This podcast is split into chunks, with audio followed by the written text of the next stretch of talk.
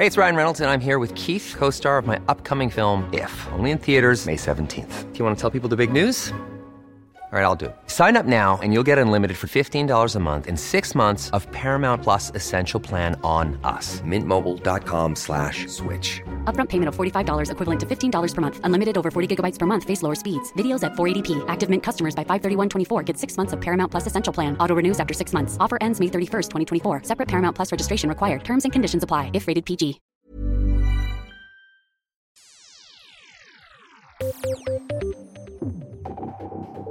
Generalsekretæren i organisasjonen Salam, Begar Reza, er en av flere som står bak en ny antikapitalistisk queer-festival. Pride-festivalen har blitt for kapitalistisk, mener initiativtakerne, og nå ønsker de å ta pride tilbake til sine såkalte aktivistiske røtter. Har pride blitt for kapitalistisk? Nylig fremmet Høyre et forslag i Stortinget om å bekjempe falske nyheter og desinformasjon. Siden har kritikken haglet, deriblant fra Christian Tybring-Gjedde, som frykter for at staten skal få bestemme hva som er sant og ikke. Burde vi innføre et sannhetsministerium, slik Høyre foreslår? I juni er det 30 år siden starten på kirkebrannepidemien, der flere norske stavkirker ble brent ned. Den gangen uttrykte Satyrkon-vokalist Sigurd von Graven en støtte til kirkebrannene, og nå er han utstilt på Munch-museet, som ser historisk tilbake på fenomenet. Den kristne redaktøren Vebjørn Selbekk mener kirkebrannene har ført Satyrkon opp i høykulturen, men at de i stedet heller burde ha beklaget. Burde Sigurd von Graven beklage for å ha uttrykt sin støtte til kirkebrannene. Du hører på Etikk og estetikk, presentert av Hedvig Boligforsikring. Podkasten er tilbake i sin tredje sesong og åttende episode. Produsent er Adrian Eriksen, researcher Peter André Hegg og programleder det er meg, Danby Choi. Vi skal straks introdusere dagens panel, men først noen ord fra våre annonsører. Visste du at Hedvig er 100 digitalt? Med forsikringsappen Hedvig får du empatisk behandling av ditt personlige serviceteam. Alt ved dine fingertupper.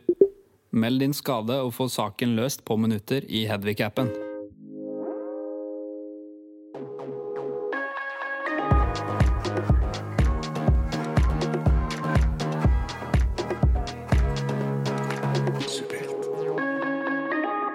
Med meg i studio sitter rådgiver i Frp, Dana Manusheri. Hun kom til Norge som flyktning fra Iran som ettåring etter at familien flyktet fra landet, rett og slett fordi at de ikke ville la en datter vokse opp i et prestestyrt regime. Manusheri oppvokste på Sørlandet og tok en bachelor i arbeids- og velferdsvitenskap på Universitetet i Agder. I tillegg har hun en bachelorgrad i juss fra Høgskolen i Molde. Hun kronet senere hele utdanningsløpet sitt med en mastergrad i sikkerhetsledelse og kulturforståelse. Manusjeri var tidligere aktiv politiker i Høyre Lillesand og satt i bystyret i Agder kommunen. I tillegg har hun jobbet som kommunikasjonsrådgiver i Kristiansand kommune, og var fra 2017 generalsekretær i organisasjonen LIM, likestilling, integrering og mangfold, til hun i fjor ble headhuntet til Frp som politisk rådgiver. Hun har i tillegg vært kommentator i Nettavisen, der hun har rettet sterk kritikk mot Islamsk råd Norge, bruk av barnehijab, koranskoler og nordmenn som lukker øynene for likestilling når det gjelder muslimer. Hennes uredde stemme gjorde at hun i 2020, sammen med Sineb El Razoui, Sonja Mabruk, Fatiha Agag Bujalat og Najwa El Haite, ble løftet frem på forsiden av det anerkjente franske magasinet Le Figaro. Magazine, som eh, kjemper mot islamisme. Det er en ære å ha deg i studio, Dana Manushiri. Tusen takk. Eh, da du meldte overgang til Frp eh, sist høst, så kalte kritikerne overgangen og deg som et innvandringsalibi. Kjenner du deg igjen i det? Absolutt ikke. Jeg syns det er påfallende at når andre minoritetsjenter får plass på Stortinget, så blir de heia på, men når jeg velger Frp, så blir jeg bua på. Så det kjenner jeg meg ikke igjen i. Um, hvorfor tror du folk kaller det, bruker sånne ord? Nei, jeg tror det er et dårlig argument for å, for å bekrefte seg sjøl for hva de syns om Frp fra før. Eh, men jeg tenker at det har ikke noe hold, så jeg bruker ikke så mye tid på det. Ikonisk eh, forside du hadde i Le Figaro. Gratulerer med det. Det var Takk. veldig kult å se deg der. Eh, hvordan var det? Det var veldig tøft. Det var veldig billedlig i forhold til hvem det er som faktisk blir ramma, først og fremst av eh, islams eh, hva skal jeg si, eh, mangel på likestilling. Det er vi som står fremst på bildet, fordi det er vi som blir først og fremst ramma. Når, når, det går utover noen, så er det kvinnene alltid først. Eh, så det var veldig veldig sterkt, og det var veldig sterkt å stå med de kvinnene, for de kanskje mer enn meg kjenner det mer på kroppen. Eh, mange av de jobber i distriktene hvor det bare er muslimer. Eh, Zineb er jo blitt forsøkt drept, så det er klart det er jo ikke veldig hyggelig. Så det er veldig tøft, men det er også veldig deilig å se at det ikke er bare meg. Og at det er et større miljø og større bevegelse. Og så sier du at mange nordmenn lukker øynene litt for likestilling når det gjelder muslimer. Hva mener du med det? Det jeg mener er at vi har brent bh-er og vi har stått på de høyeste torgene og slåss for kvinners rettigheter i Norge. Med Gro Harlem Brundtland og ja, Erna. Det er mange som har vært der og tatt kampen på vegne av kvinner med hvit hud. Eh, fordi at de ikke blir plassert i en vanskelig situasjon annet enn at det blir mann mot kvinne. Men i det sekundet religion kommer inn i bildet, så backer de ut. Eh, så jeg mener at eh, kvinnekampen svikter minoritetskvinnene. Eh, opplever du at det er på en måte to minoriteter i konflikt med hverandre, og derfor tør ikke venstresiden å ta helt i det? Absolutt. Jeg mener at menneskerettigheter bør alltid seire religionsfrihet og det som kommer etterpå. Men her er det tydeligvis ikke det som seirer. Og til eh, Dana Manusheris eh, høyre sitter eh, samfunnsredaktøren i økonomiavisen E24, Torbjørn Røe Isaksen. Røe Isaksen er utdannet statsviter fra UiO, og han er kanskje kjent for de fleste som tidligere Høyre-politiker og statsråd. Lærersønnen har vært statsråd intet mindre enn tre ganger. I 2013 fikk han sin første post som kunnskapsminister. Der var han frem til Erna dro frem og rokerte om i 2018. 2018, og han fikk nye oppgaver som næringsminister. Etter kun to år tok Erna Rokade igjen, og Røe Isaksen ble arbeids- og sosialminister. Der var han til Høyres tapte stortingsvalget i 2021, og han måtte se etter nytt arbeid. Det varte ikke lenge før han ble annonsert som E24-redaktør. Røe Isaksen er ikke ukjent med journalistyrket, og var sine yngre dager frilansjournalist for Porsgrunn Dagblad og Varden. Før han ble valgt inn på Stortinget, var han redaktør for den konservative avisen Minerva også, mellom 2008 og 2009. Han har jevnt og trutt skrevet flere bøker, særlig om kapitalisme, Høyre og konservatisme og kom ut med sin seneste bok i 2021 om nettopp med tittelen 'Hva er konservatisme?'. Velkommen til deg, Torbjørn Røe Isaksen. Tusen takk. Hva er konservatisme? det er eh, en av de store ismene, altså ideologi, eh, ideologiske retningene i eh, Vesten, som primært tar utgangspunkt i at det er noe man må bevare og sikre i samfunnet, og ikke bare se på hva man skal endre på. Men uh, du har skrevet flere bøker og, om uh, dette temaet. Hvorfor, hvorfor, ikke skrive om noe annet? Hvorfor er det så viktig å skrive om dette hele tiden? Er det en del av det, det å være konservativ? Uh, nei, men det, det, er litt, uh, det, er nok litt, at uh, det er jo ingen andre som gjør det. Så var jeg veldig god venn med en som het Lars Joar Langslett, som var Norges første kulturminister og en viktig sånn, konservativ ideolog. Um, og da han gikk bort, så følte jeg litt på at dette er en slags arv man skal videreforvalte, rett og slett. Ja, Du sa at konservatisme var en ideologi i Vesten. Jeg reagerte ikke på det før nå, men liksom, det skjønner vi alle. Men hva, er, hva, hva slags ideologi er det? Uh, dette har jeg skrevet en hel bok om. da, så den På universitetsforlaget var konservatisme. Hvis man lurer på det, kan man lese den. Men sånn kort, kort oppsummert så, er det jo, er jo da, ligger litt i ordet. Konservatismen er den ideologien som tar utgangspunkt i hva man skal bevare, snarere enn hva som skal endres. Det er en sånn enkel måte å si det på. Men, men eh, det er litt sånn usexy, syns jeg, det der med at eh, vi skal liksom bare senke farten på utviklingen.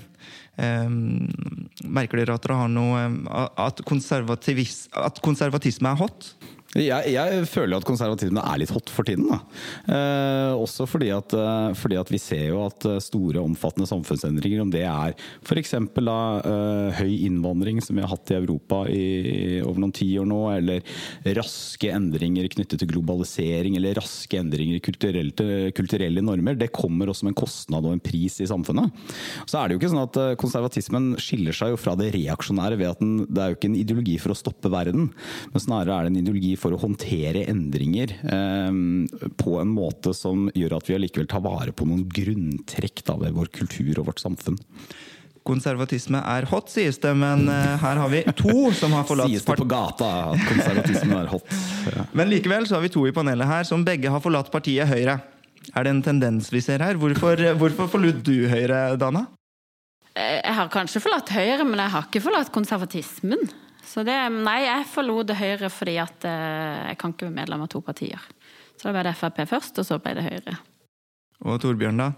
Det er også en kjedelig grunn. Altså, jeg forlot Høyre fordi jeg skulle bli pressemann, rett og slett. Uh, og, og, da er det viktig altså, Det er jo ikke noe hemmelighet hva som er min bakgrunn, selvfølgelig. Uh, folk, vet jo, folk, vet jo, det. Men folk skal vite at når jeg kommenterer saker, så gjør jeg ikke det fordi at uh, jeg er medlem i et parti eller fordi et parti mener noe. Jeg gjør det fordi at det er min mening og min analyse. Og det er viktig. Og da er det en symbolsk markering, det å melde seg ut av partiet sitt. Men du, eh, du, har vært eh, statsråd tre ganger, og så har du blitt kjørt rundt i sånne svarte, dyre biler og sånn. Hvordan er det å bli vanlig menneske igjen etter å ha vært eh, statsråd? Det tok meg et par dager før jeg oppdaget at det kommer ikke noe kaffe av seg selv. Den største overgangen er nok at jeg må lage mine egne powerpointer. Oh, og det tar ganske mye tid, men jeg begynner å beherske det nå. Veldig bra. Og med det kan vi gå over til dagens første tema. Sofie Elise, og du hører på Etikk og estetikk, en podkast fra Subjekt.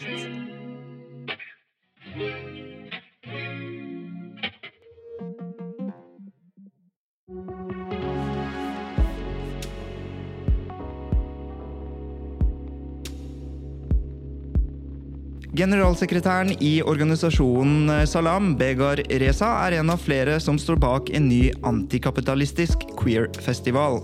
Pride har blitt for kapitalistisk, mener initiativtakerne, og ønsker å ta Pride-festivalen tilbake til sine aktivistiske røtter.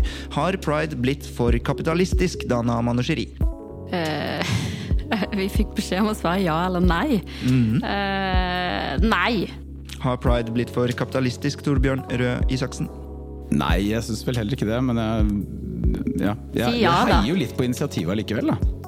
Nettopp fordi at eh, det er jo litt eh, fristende å, å være enig med Begar Reza i dette, når man ser alle disse profilbildene til alle disse store eh, selskapene som man liksom tviler ved om faktisk mener det og sånn. Og det var jo noe veldig sånn punkersk og veldig sånn opprørsk ved pride eh, i starten. Eh, hvorfor ønsker dere ikke likevel til oss tilbake til denne typen pride? Men kanskje akkurat stikkordet ditt nevner jo litt sånn punkete. For det, um, kapitalismen er briljant til å kooptere fenomener eh, som den kan tjene penger på. Og Da er det ingen grunn til å tro at ikke menneskene i disse selskapene også tror på mye av det i hvert fall overordnede budskapet til Pride, om kjærlighet og rett og elske hvem man ville og sånn. Men, men eh, punk, det tok ikke lang tid før punken ble kommers, altså. Eh, og, og det er kapitalismens natur. Og, og, men, men, grunnen til at jeg allikevel heier litt på dette, da, det er at på én måte sant, så er det at storsamfunnet og markedet omfavner pride, det er jo et tegn på at du har lykkes. Dette er blitt mainstream, og det er jo utelukkende positivt positivt, vil jeg mene, sånn i det overordnede budskapet. Ja, fordi det var jo hit man ønsket at det skulle komme. Ikke sant? Men så skjønner jeg da Det er litt sånn bare at jeg heier litt på altså når, når, alle, når det er så mye konsensus, da, så er det jo Selv om jeg ikke er enig, så er det jo bra at noen da røsker litt opp i det. Så har nok han da Jeg heier jo på kapitalismen, jeg tror markedsøkonomi er fornuftig, men det er, det er litt kult, da. Ja, og på Cuba, skal sies, så er jo punkerne faktisk kapitalister. ja. Jeg er så veldig imot kommunismen, men eh, hva er din eh, begrunnelse for nei? Nei, altså jeg tenker at uh, de, det starta som et aktivistmiljø som på en måte prøvde å oppnå noe. da. Og nå har de oppnådd det de vil. Så tenker jeg at Nå har de gått liksom fra å være sinte aktivister til at nå feirer de. Og, og så kan du si at folk er med og feirer med dem, om det er bedrifter som tjener penger på det, eller om det hva det nå er. Ok, da. Er det, altså, var ikke, liksom, saken var jo å vinne den, og den har vi jo vunnet. Så da, jeg kan liksom ikke forstå problemet her, egentlig. Nei. Men den er jo ikke helt vunnet, da. Jeg må jo si Neida. det. Ikke sant? det er jo, så, så det er jo um, Det er jo fortsatt, fortsatt en, mye igjen. Og så Absolutt. eh, tror jeg, tror jeg ikke vi orker nå å gå inn på de mer sånn Altså de nyere kampsakene som kanskje er større diskusjon om, knyttet til transpersoner f.eks. Og, og eh, gender og, eh, og hva heter det, biological gender, eller hva det er for noe. Um, men eh, men det, er jo, det er jo fortsatt en kampdag, så det tror jeg er viktig. at det, liksom, Pride må jo også være det. Men eh, hei, jeg er en eh, hvit eh, heterofil trebarnsfar, så det er liksom ikke min festival. da. Nei, men jeg syns det er litt eh, Raumafestivalen drar jeg på. Uff da. Men eh, det er på, i en uhøytidelig kåring hos eh, gaysir.no, hvor Torbjørn Røe Isaksen ikke henger, der så stemte over halvparten at det bare finnes to kjønn. Så det er jo, ikke sant, disse pride-intrigene er jo egentlig interne. Hva er det man skal inkludere? Og for hvert år så kommer det en ny farge i det regnbueflagget. ikke sant? Og, og, og hva skal pride nå være? Er, sant? Man snakker om Kampene er jo ikke de samme nå som før. Nei, nei men, men øh, øh, ja, igjen, så Jeg vet ikke om jeg orker å gå inn i liksom hele den diskusjonen. Hvorfor Annet ikke? enn å konstatere at det er Sex og gender var de to begrepene jeg lette etter i stad. Som vel Ja. i Norge er liksom kjønnsrolle og Kjønn og kjønnsidentitet. kjønnsidentitet. Men, men, øh, men jeg syns jo at det er også bra at øh, bevegelser som LHBTIQ pluss, eller det vi før kalte homobevegelsen, at de også kan ha diskusjoner. Eh, Og det er ikke noe farlig i det. Og det er helt åpenbart sånn, Hvis man ser på tradisjonelle stereotypien av homofile menn og kvinner, så er jo de ofte knyttet til en veldig klar kjønnsidentitet. Ja, men Er det ikke pride som bygger opp under den? Eh, altså det, det, kan, det kan, kan i og for seg godt hende, men jeg skjønner jo allikevel altså Mange av mine homofile venner og de jeg har jobbet med som har vært homofile i politikken, føler jo også ofte at de har altså Fordi at de føler seg og er en minoritet, og mange av dem særlig som er litt oppi åra, har jo da gått noen runder og tatt noen kamper. Det er klart at det gir en type solidaritet og identifikasjon også med personer som har andre typer utfordringer. Om du da er en transperson, du er ikke homofil, så, så tror jeg mange homofile f identifiserer seg med nettopp det at du er en minoritet i kamp mot storsamfunnet. da. Um, vi må litt tilbake til dette med kapitalismekritikken. fordi at Et ord som eh, da er funnet opp i lys av denne debatten, er jo eh, såkalt pinkwashing. og Det handler om hvordan eh, markedet eller bedrifter bruker homokampen til sin fordel. Og Olas Venneby i Unge Høyre er blant de som har reagert på det. og Så så man en oversikt over f.eks. BMW, som på sin Twitter-profil i Vesten endret profilbildet, men ikke der det haster som mest. Hvorfor har ikke BMW Middle East dette profilbildet, Dana Manoshiri? Nei, det er jo som alle andre kamper. Altså, jeg tenker For det første tenker jeg de um, Altså, eh, kvinnekampen, hijab, den er jo nå på alle forsider og alle plasser. Eh, I, I Vesten så er dette en sånn symbol på frihet og se på meg. I Iran så er det tvang. Så Sånn vil det alltid være at noe som er hot et sted, er ikke så veldig hot et annet sted. Og det tenker jeg med denne kampen her òg. Du vil aldri se prideflagget i Iran. Altså vi, Ifølge vår, stats, nei, vår president så fins det ikke homofile i Iran. Så det er, liksom, det, er jo, det er jo sånn det er. Det er kulturelt. og det er noen plasser, Derfor jeg sier noen plasser er kampen vunnet allerede. Iran har ikke starta engang. Så, det, så jo, vi skal fortsette å kjempe, jo, vi skal holde på med dette, men vi trenger ikke å være så sinte, da. Det er jo liksom den delen av det jeg syns er litt Men, men, eh, men jeg synes at dette, dette viser jo at for uh, igjen sånn, jeg mener at Det er ingen grunn til å mistro at liksom, de ansatte i BMW eller et eller annet selskap eh, i Vesten at de jevnt over slutter opp om verdier, overordna liksom, parolen i Pride og sånn. Men, men, men selskaper i en markedsøkonomi er tross alt selskaper. Det er noe, er noe, de er ikke aktivistorganisasjoner, stort sett. med noen, kanskje med noen unntak. Og det betyr, at, det betyr også at BMW, da, for å ta det som et eksempel, de må jo også skjønne at hvis de sier én ting i eh, Europa og en helt annen ting i om det er Midtøsten eller et eh, mer religiøst land i Latin-Amerika, eller noe sånt, så, så vil noen påpeke det og stille dem til ansvar. Så det er heller ikke konsekvensløst for bedriften å adoptere noen verdier hvis du ikke klarer å følge dem opp. Og det mener jeg er en viktig rolle for også folk som er tilhengere av markedsøkonomien. Det betyr ikke at du heier på enhver markedsaktør eller alt de gjør uansett. Nei, og kritikken er på en måte um, litt smålig kanskje også, fordi at uh, hva, hva, er egentlig konsekvensen av dette? Av, av, um, av, at noen bytter profilbilde og så likevel ikke lever helt opp til det. Men dere svarer nei på spørsmålet, og så argumenterer dere likevel litt for at dere liker uh, aktivismen og at det er blitt litt for kapitalistisk. Det gjør det litt vanskelig å angripe dere. Men, men, hvorfor, men hvorfor, skal pride være uh, antikapitalistisk? Ja, men Det skal ikke være antikapitalistisk. For det syns jeg vil være veldig rart. Og det jeg mener at det er to viktige grunner til det. For det første må pride finansieres. Eh, og du kan ikke og burde ikke finansiere alt i dette landet med offentlig støtte, selv om vi av og til liker å tro det. Men den andre grunnen er jo også at markedsøkonomien har det, har liksom det vakre ved seg. Da. Eh, det er den største fordelen og den største ulempen med markedsøkonomien. At penger er penger uansett hvem som bruker dem. Så det er klart at eh, det at selskaper og markedsøkonomien markedsøkonomien er med, og at du For noen år siden så var det snakk om en sånn, en sånn rosa kjøpekraft. At særlig, særlig altså barnløse homofile par eksempel, hadde ofte god økonomi fordi at du er to voksne. Uh, og, og, det responderer markedsøkonomien på. Uh, og Det betyr jo at markedsøkonomien er i utgangspunktet et sånt system som i hvert fall kan brukes til å også løfte frem forskjellige grupper og minoriteter og skape mer ja, likeverd innenfor systemet. Men det disse aktivistene mener, er jo at pride eh, som bevegelse burde drive med mer aktivisme og mer sivil ulydighet. Eh, hvilke kamper i Norge er det i så fall man skal eh, ta tak i med sånne midler?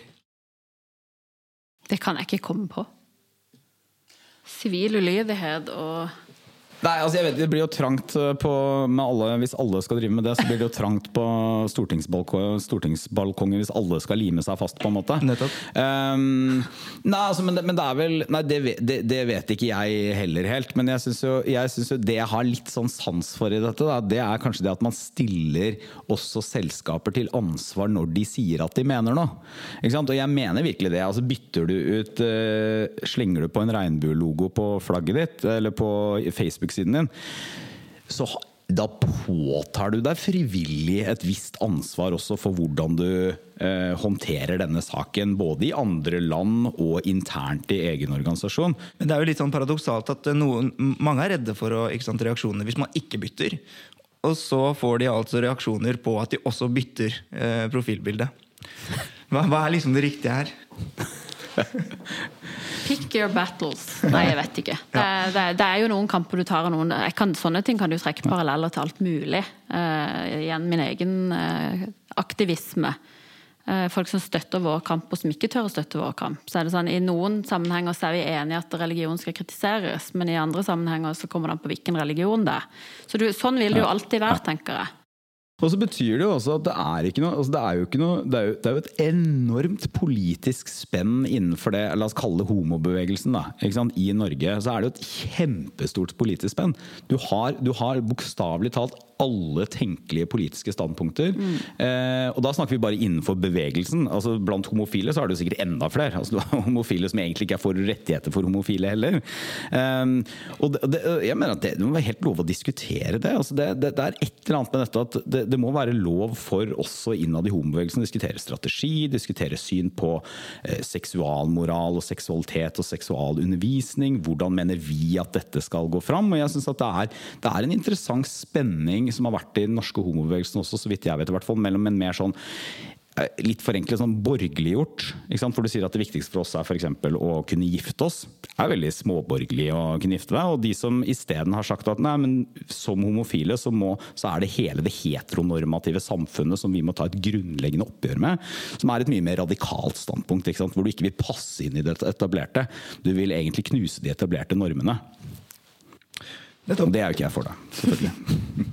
Pick your battles, sa um, Dana Manusheri, og vi skal over til tema nummer to. Yo! Det er Uge Marstein eh, her, fra Undergrunn Klikk. Du hører på Etikk og estetikk av Subjekt. You know the shit.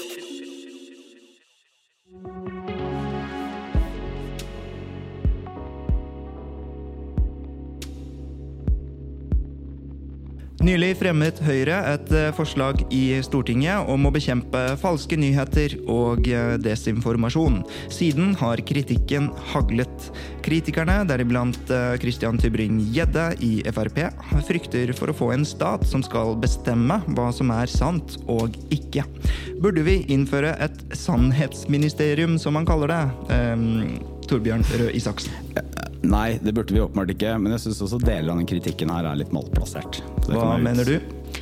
Eh, nei. Korte svar nei. Vi skal ikke ha noe sannhetsministerium. Men eh, Nei, vi burde selvfølgelig ikke ha et eh, sannhetsministerium, men eh, Litt retorisk men, spørsmål. Men, men, like, ja, nei, men likevel så er det jo store falske nyheter og bølger av desinformasjon vi har med å gjøre her, da. Ja, du, bare går du først, Torbjørn. Jeg har mye jeg har kunnet. Ja, og det er der jeg mener at kritikken er litt malplassert. Jeg mener også at, at deler av det forslaget fra Høyre er litt sånn Det er, litt, det er, det er eh, De konkrete forslagene er ikke så veldig godt formulert, og jeg mener at de bommer litt. Eh, nettopp fordi at det ikke er tydelig nok på hva som er liksom, sikkerhetspolitisk begrunnet, og den mer sånn generelle samfunnsdebatten. Ja, Men er ikke alt også sikkerhetspolitisk Jo, men, begrunnet? og, og der mener jeg at, der mener jeg at det er, ikke sant? Og det, det, det der jeg mener at kritikken er litt malplassert. Da. For at hvis man ikke skjønner at desinformasjon og falske nyheter er en aktiv strategi som andre stater bruker for å destabilisere vår, våre politiske systemer, så er man grunnleggende naiv. Men skal man bruke samme strategi tilbake, da? Nei, jeg mener at eh, vi må ikke glemme at vi mennesker har et ansvar sjøl. Og det er også liksom, noen andre skal gjøre det, kall det den researchen for meg, da. Det vil jeg ha med frabedt. Jeg tenker at eh, jeg lærer, jeg har to jenter, jeg lærer de hver dag at de skal være kritiske til samfunnet, til hva de ser, ikke minst til staten, til myndighetene, til, til alt. Still spørsmål, til- still spørsmål til meg. Eh, Da tenker jeg at jeg trenger ikke noen sånne eh, politikere som skal fortelle meg hva som er sant og ikke sant. Men, men du trenger en etterretningstjeneste, f.eks. Altså, du trenger jo PST. Og det at, det at du har sikkerhetsmyndigheter i et land som også informere befolkningen om påvirkningskampanjer. Altså Husk på igjen, ikke sant? dette er ikke, det er ikke eh, Og det er der det er litt sånn lurvete. Ikke sant? For at det Pressen har sine egne systemer for å kontrollere falske nyheter, falske bilder. Satt opp et stort, omfattende samarbeid nå rundt faktisk for å faktasjekke f.eks. bilder fra Ukraina. Det trenger ikke staten å gå inn i. Snarere så vil svekke pressens troverdighet hvis staten blir en part og aktør i det. Men statens oppgave er jo å beskytte norsk in- territorium og norske interesser og norsk integritet. Og det å liksom gjøre om dette her til en slags sånn woke-debatt eh, om, eh, om at nå skal staten komme og bestemme hva jeg skal legge ut på Facebook eller ikke, det er en total avsporing. Altså, da, da skjønner man ikke at dette brukes aktivt som en strategi fra land som ønsker oss vondt. Men ikke sant, dette er ganske skjørt. Altså, vi kan vippe både over på ja- og nei-siden i dette spørsmålet. For eksempel så har EU besluttet å sensurere Russia Today og Ja. Sputnik, mens Norge valgte å ikke gjøre det. Ja. Blant annet fordi at eh, vi i presseinstitusjonene var veldig veldig imot her i Norge. Ja. Eh, Og det er jo ikke enkle spørsmål, det her. Nei, og det, og det er der og- Selv om det har med jeg, sikkerhet å gjøre. jeg er enig i dette med Russia Today, som vi gjør. Mm. Jeg, jeg, og det er også for at Russia Today er, det er en så åpen kanal. Men, men jeg syns det er veldig rart hvis man eh, altså Jeg er jo helt enig i at man skal lære sine barn kritisk sans, og man skal lære dem å stille spørsmål, og sånn, men det er jo ikke det vi snakker om her. Dette er ikke individuelle problemer. Her snakker vi om stater som fører organiserte kampanjer for å påvirke norsk politikk eller destabilisere vestlige politiske systemer. Eh, Men det, det, det som Høyre-forslaget bommer på, er at man gjør liksom dette om til en slags sånn statlig støttet faktisk.no. Det er ikke det man trenger. Dette er først og fremst et etterretnings- og sikkerhetspolitisk problemstilling. Gro Harlem Brundtland hadde et uh, Ja. sitat. Hva var det? Eh, nå husker jeg det ikke i hodet, men Ja, det var et eller annet som vi har, vi har begynt å miste kontrollen på hva folk får høre. For, for vite, eller høre, ja. Ja, og det, Eh, det høres jo veldig umusikalsk ut. At hun skal sitte der og bestemme og kontrollere hva folk skal få høre. Og det er der jeg på en måte jeg tenker at jeg er helt enig i det, i og med at jeg har liksom litt sånn sikkerhetsaspekt i det òg. Så syns jeg det er absolutt at eh, Etterretningstjenesten skal følge med på det som jeg kaller propaganda. Men det er jo ikke noe større propagandamaskin enn Russland. Eh, Når vi da tillater russisk info til å komme fordi det er helt åpenbart propaganda, så tenker jeg at ja, hvor går grensa da? Altså, jeg er ikke imot at vi skal være verna og beskytta mot informasjon som kan skade oss. Eh, Men det jeg er enda mer redd for, er at det skal bli en sånn overstyring, hvor vi da eh, blir overbeskytta, da. For å si det mildt. da. Og da, Ja. Den overkontrollen går da utover ytringsfriheten, og det er det jeg er redd for. Ja, for det mangler jo ikke på gode argumenter her. Man kan jo eh, veldig enkelt finne ut av at eh, informasjon fra Sputnik inneholder feil, og at det er propaganda, og det kan de bryte ikke sant, ti ganger. Og så kan man finne det er betimelig å straffe det med sensur. Men er det ikke likevel sånn at vi som konsumenter heller burde lære oss at eh, les dette som Jo, propaganda? Men, men, jeg, men jeg tror ikke det er det som er altså, eh, Sputnik Ja, hva er eller Russia, forskjell på Russia Today og, og- sånt. mm. Altså, d- eh, dette er jo altså Påvirkningsoperasjoner er jo Det kan jo bety alt for at du har Og da er det ikke liksom eh, sånne robot-Twitter-ting hvor du skjønner at dette er en eller annen robot som spytter ut. Det er genuint falske profiler som gir seg ut for å være noen andre. De kan ha bakgrunnshistorier og som forsøker å påvirke. Det er bare én måte å gjøre det på. Påvirkning av sentrale aktører i eh, et samfunns politikk og samfunnsliv, det er en annen måte å gjøre det på. Destabilisering i form av da, falske nyheter, det er en tredje måte å gjøre det på. Det jeg syns Høyre-forslaget er litt for uklart på, da, det er å skille mellom det som er sivilsamfunnets eller pressens oppgave og det som er myndighetenes oppgave. Jeg vil jo f.eks. mene at det er helt åpenbart at under pandemien så skal Folkehelseinstituttet gå ut og si at dette og dette og dette som blir sagt om vaksiner, er falske nyheter. Ingen, vi har ingen vitenskap som bygger opp under disse påstandene. Men det betyr ikke at du skal gå ut og at myndighetene skal fjerne det fra nettet. Men, men selvfølgelig skal myndighetene holde seg med en eh, versjon av hva som er sant og riktig knyttet til den type spørsmål. Ja, og Du sa vi ikke måtte gjøre dette til en eh, woke-debatt, videre, men eh, jeg har lyst til å prøve. fordi at eh, Facebook da, Facebook er jo kapitalister, og jeg er jo tilhenger av kapitalismen, og sånn, men jeg har vært litt sånn kritisk i det siste når altså bedriftene har blitt moralkapitalistiske. Fordi at eh, FHI eh, forstår jo eh, sine begrensninger, så de kunne ikke forbudt dette. Men Facebook blir jo anklaget av presseinstitusjoner og masse moralisme om at de må ta tak i disse falske nyhetene. Det de da gjorde, var i starten av pandemien å forby alle innlegg som handlet om at dette kunne komme fra et laboratorium i Wuhan. og da var det flere brukere som ble kastet ut av Facebook for å skrive at dette kom derfra. Og så sier WHO vent litt, dette kan være en teori som stemmer. Hvem vet hvilke brukere de Kan det ha vært en kinesisk dissident de bannlyste fra Facebook? Så er egentlig uh, det private en gang egna for å forvalte noe så viktig som ytringsfriheten.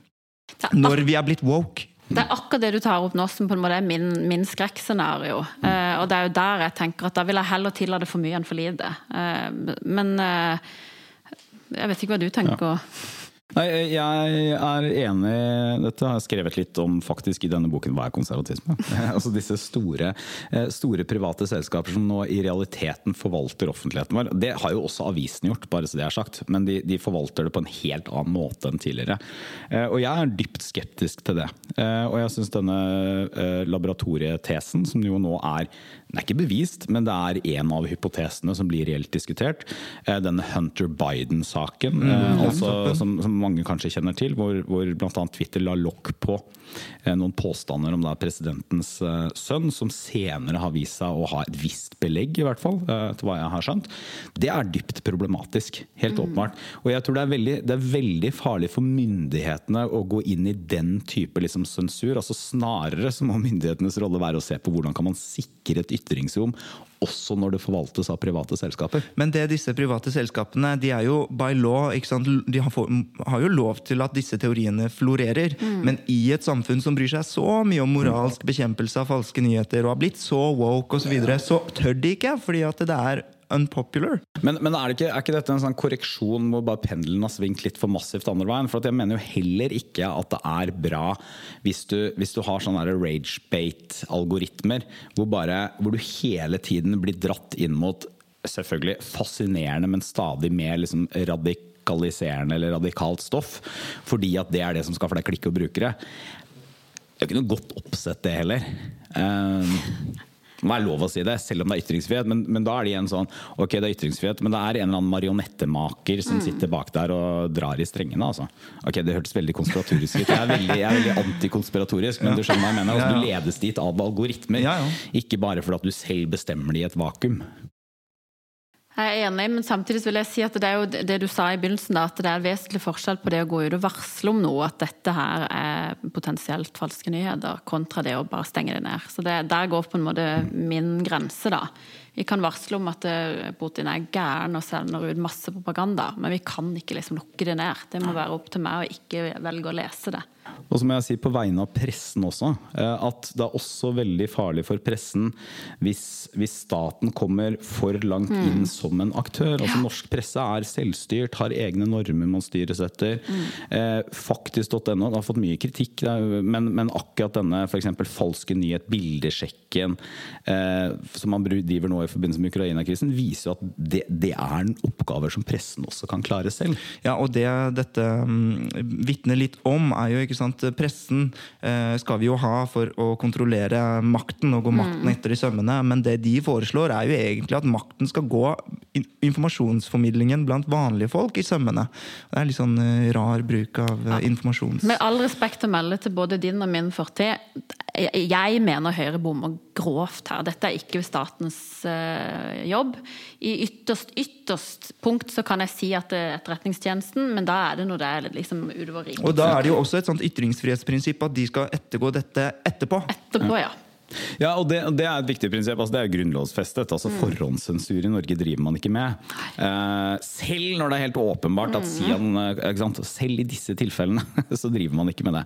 Uh, og Det er et ekstremt viktig prinsipp å holde fast i. Jeg vil nok si at sånn, Når jeg leser dette Dokument-forslaget fra Høyre, så vil jeg, vil jeg, tenker jeg nettopp også at er, man er ikke tydelig nok på hva som er sikkerhetspolitisk. Men jeg syns jo det å gjøre om dette til en slags sånn Skal ikke jeg få legge ut det jeg vil på Facebook-veggen for fordi vi skal ha et offentlig sansministerium? Det er en total avsporing. Altså. Og det er nesten litt naivt med tanke på hvilken, hvilke krefter vi møter eh, som vil påvirke vår samfunnsdebatt. Ja. Skål for den. Visste du at Hedvig er 100% digitalt? Med forsikringsappen Hedvig får du empatisk behandling av ditt personlige serviceteam. Alt ved dine fingertupper. Meld din skade og få saken løst på minutter i Hedvig-appen.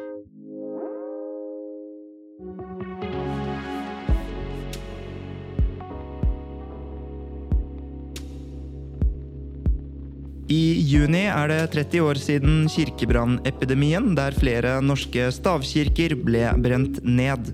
Den gangen uttrykte Satyricon-vokalist og vingårdfyr Sigurd von Graven en støtte til kirkebrannene, og nå er han utstilt på Munch-museet. Der så ser de tilbake på den historiske delen av fenomenet, og den kristne redaktøren Vebjørn Selbekk mener at kirkebrannene da på en måte har ført Satyricon opp i høykulturen. Men at de egentlig heller burde beklage. Burde Sigurd Vongraven beklage for å ha uttrykt støtte til kirkebrannene, Dana Manoucheri? Ja. Og hva tenker du, Torbjørn Røe Isaksen? Det er så vanskelig. Nå har jeg nesten Nei. ombestemt meg bare på denne Nei, Altså, Ja eller nei? ja Uh, Vet du hva jeg skal si? Si nei. Yes, ok, jeg sier nei, men jeg er ekstremt usikker. Rett og slett. Ja, jeg kan jo bare eh, argumentere altså, Det er to ting jeg har lyst til å dele denne saken. For dette, jeg tenker det at han er kommet opp i det kulturelle av Det skal ikke jeg legge meg opp i. Altså, det er mange grunner til at folk blir kjent og kommer opp i, i kulturlivet. Men, og noen har kirkebranner som er sikkert eh, fundament. Men da er det på en måte juristen eller den som trofaste paragrafrytteren i meg som våkner, som sier at når du oppfordrer eller heier på ting som er ulovlig, så er det bare med å gå ut og beklage det etterpå. Om det er å brenne kirker, eller om det er å brenne moskeer. Ikke gjør det. Det er ikke greit. Og når du er en kjent person, så beklager du for det etterpå. Så sier du ja, dette var en kunstnerisk gimmick eller whatever. Eh, Men hva hvis man tenker at eh, religion er et skikkelig onde for samfunnet, sånn som du også kan være enig i, tror jeg, og så er man sånn, det er en viktig sånn kunstnerisk støtte til aktivismen og den sivile ulydigheten. Det er jo litt sånn black metalsk over det. Jo, og det er det, det kan jeg se, men samtidig så er det liksom det er, Jeg er jo kanskje en i Norge, i Norge som er mest kritisk til religion, især islam. Men jeg ville aldri på en måte, uansett hvor mye jeg misliker religion og islam, så jeg har aldri sagt gå og brenn en moské. Eller 'å, så kult, at for nå får vi markere Det er noe med liksom å holde seg innenfor loven, da. Men er det en, en part her som er litt glemt? Jeg får lyst til å sympatisere med Vebjørn Selbekk fordi at han eh, ikke sant? De ble jo offer for disse kirkebrannene, og så nå er dette blitt et sånn fenomen man tar opp i 13. etasje i eh, Barcode. Og så er det sånn, se tilbake på den kule historien her, og så har man egentlig ikke problematisert det at eh, noen var offer for dette. Ja, altså, og, og jeg, grunnen til at jeg baler litt med dette, da, det er egentlig øh, og, øh, det er, ikke sant, På den ene siden så syns jeg at um, veldig mye av denne diskusjonen hvor man skal eh, blande sammen liksom kunsten og kunstnerens politiske standpunkter. Altså, han har jo ikke brent kirker, Nei. Eh, men eh, det er, er noe, har noen problematiske sider ved seg. Kanskje. På den annen side ikke sant? Så, så mener jeg at jeg syns det er rart at ikke Dag Solstad blir konfrontert med at han fortsatt kaller seg kommunist. Det er verdt å problematisere. Fortsatt lese bøkene hans. Fantastiske romaner. Er det litt som Jeg- kirke, Er kirkebrenn Gi støtte til kirkebrann for deg? Nei, men altså, det, er jo, det er jo helt uakseptabelt. Å Altså, støtte kommunismen? Nei, å støtte kirkebrannen. Ja, ja, men altså, er dette, det å dette, støtte du, brenner, altså, du brenner kulturminner i Norge. Altså, dette, er ikke, dette er ikke aksjonisme. Dette er, dette er eh, Vandalisme. vandalisme, kriminalitet. Helt uakseptabelt. Uh, og jeg, og liksom der jeg møter meg selv litt i døra, er jo en sånn, Jeg vet ikke helt om jeg liksom, På den ene siden så syns jeg det er litt rart at vi hele tiden skal liksom, få folk til å unnskylde for ting i sin fortid. På den annen side så sier, mener jeg at de AKP-ML-erne som har tatt et oppgjør med sin fortid, har gjort noe veldig viktig og riktig. Mm. Så jeg er veldig revet her. Altså. Men det jeg nok ikke kjøper, er dette at, at, eh, at liksom black metal Pga. grunn av sin assosiasjon til et mørkt kapittel i norsk historie. Altså det er, dette er et mørkt kapittel. At det skal avskrives som kunstform. Men det er, det er heller ikke en del av kunsten å brenne kirker. altså. Og det som hadde vært interessant istedenfor en sånn Kanskje det, det jeg ville sett uh, Sigurd Vongraven gjøre, det er det er ikke en sånn rituell unnskyldning på Lindmo, men uh, han er jo en intelligent, uh, oppegående mm. mann som hadde vært interessant å lese hvordan han reflekterer over dette i dag. Det har vært Ja. interessant. Ja, fordi Vi har jo prøvd å komme i kontakt med han eh, mange ganger, men, eh, og det er jo ganske enkelt å bare beklage for det. Og det virker ganske åpenlyst i dag å skulle gjøre det. Hvordan skal man lese egentlig det?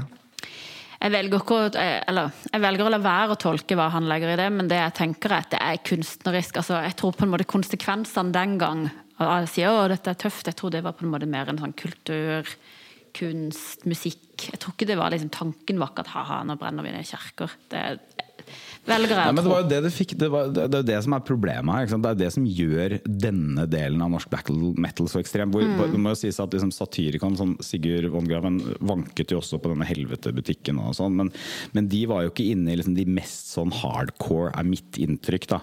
Eh, men, men eh, hvis du beveger deg videre, så si ta Varg Vikernes, da. Eh, Bursum, som jo er en eh, artist har høyreekstreme standpunkter, delvis antisemittisk.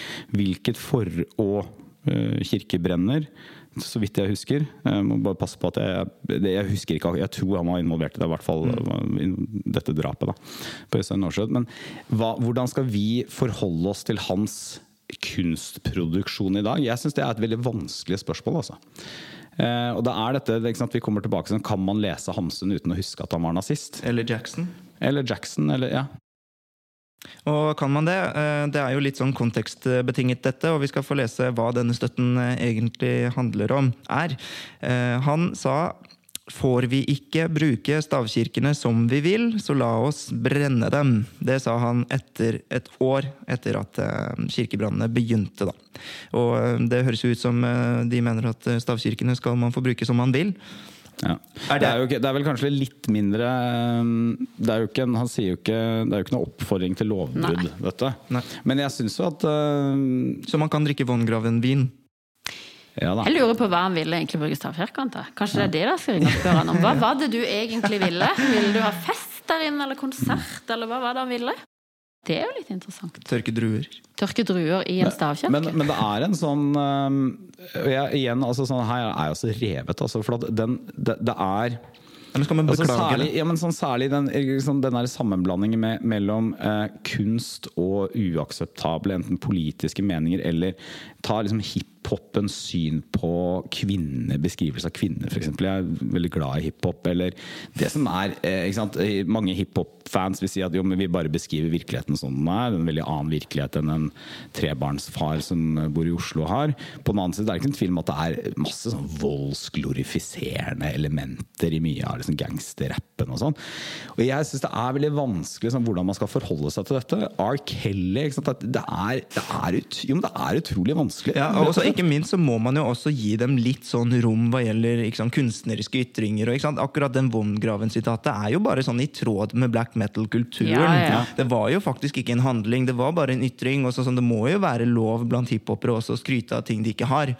Ja, da, Ikke det, må, det, må, det må være lov, på samme mm. måte som det er lov å lage en gangsterfilm uten at du er gangster. Nettopp. Ikke sant? Eh, Men, men, eh, men i black metal-tilfellet så var det jo kirkebranner. Mm. Ikke sant? Så, det, så dette er jo ikke hypotetiske ting.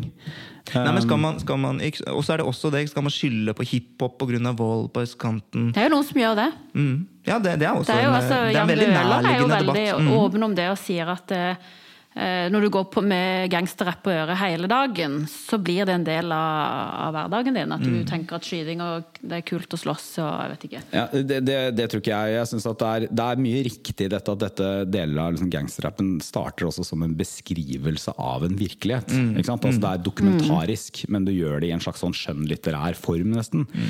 Uh, men, men, uh, men, men det betyr jo ikke at Jeg er jo skeptisk til at Men det er veldig farlig å si det, for da kan man jo plutselig ikke skrive bøker.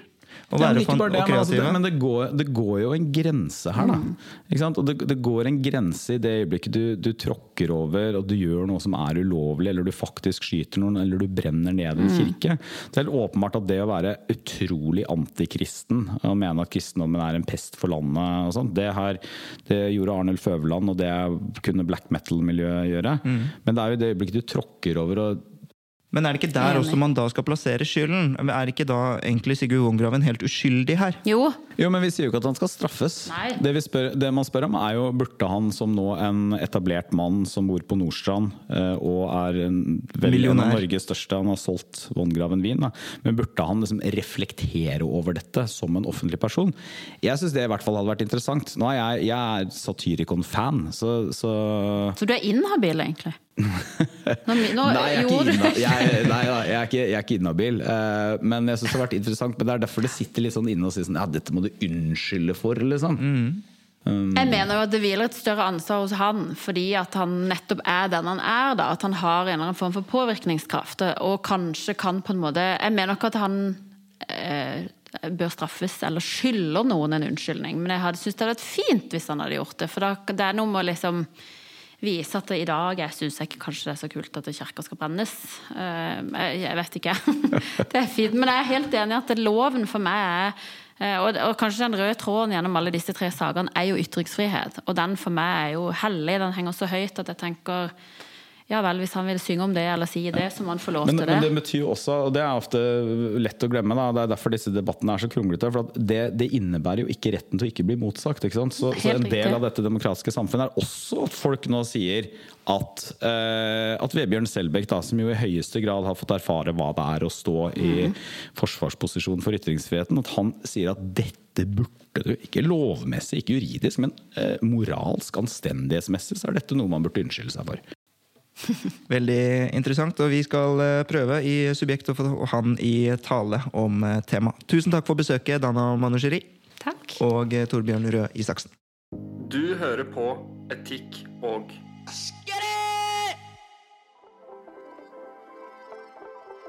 I tillegg til eh, våre gjester, tusen takk til forsikringsappen Hedvig for å presentere podkasten Etikk og estetikk, og til eh, stiftelsen Fritt Ord, som har eh, muliggjort denne podkasten. Følg Subjekt eh, der det er mulig å følge oss, på Facebook og på Instagram. Og Etikk og estetikk har jo som kjent en eh, egen debattgruppe med nærmere 3000 medlemmer på Facebook. Den heter Etikk og estetikk. Så om du ikke er medlem i den gruppen fra før av, så anbefaler jeg deg å bli eh, medlem der, for der tas det opp temaer som interesserer subjekt generelt, men særlig da podkasten Etikk og estetikk spesielt. Hvis du likte podkasten, så håper jeg at du kan stjernerangere oss um, i uh, de plattformer som tilbyr det, enten det er Spotify, Apple Podcaster, Soundcloud eller andre tilsvarende podkastplattformer der du hører på oss akkurat nå. Og med det så har jeg lyst til å takke for følget. Mitt navn det er Danby Choi, så poddes vi om en uke, også da med et stjernespekket lag av gjester.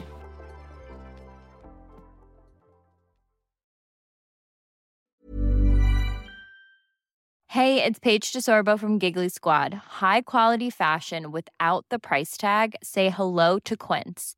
I'm snagging high-end essentials like cozy cashmere sweaters, sleek leather jackets, fine jewelry, and so much more. With Quince being 50 to 80% less than similar brands. And they partner with factories that prioritize safe, ethical, and responsible manufacturing. I love that. Luxury quality within reach. Go to quince.com slash style to get free shipping and 365 day returns on your next order. Quince.com slash style.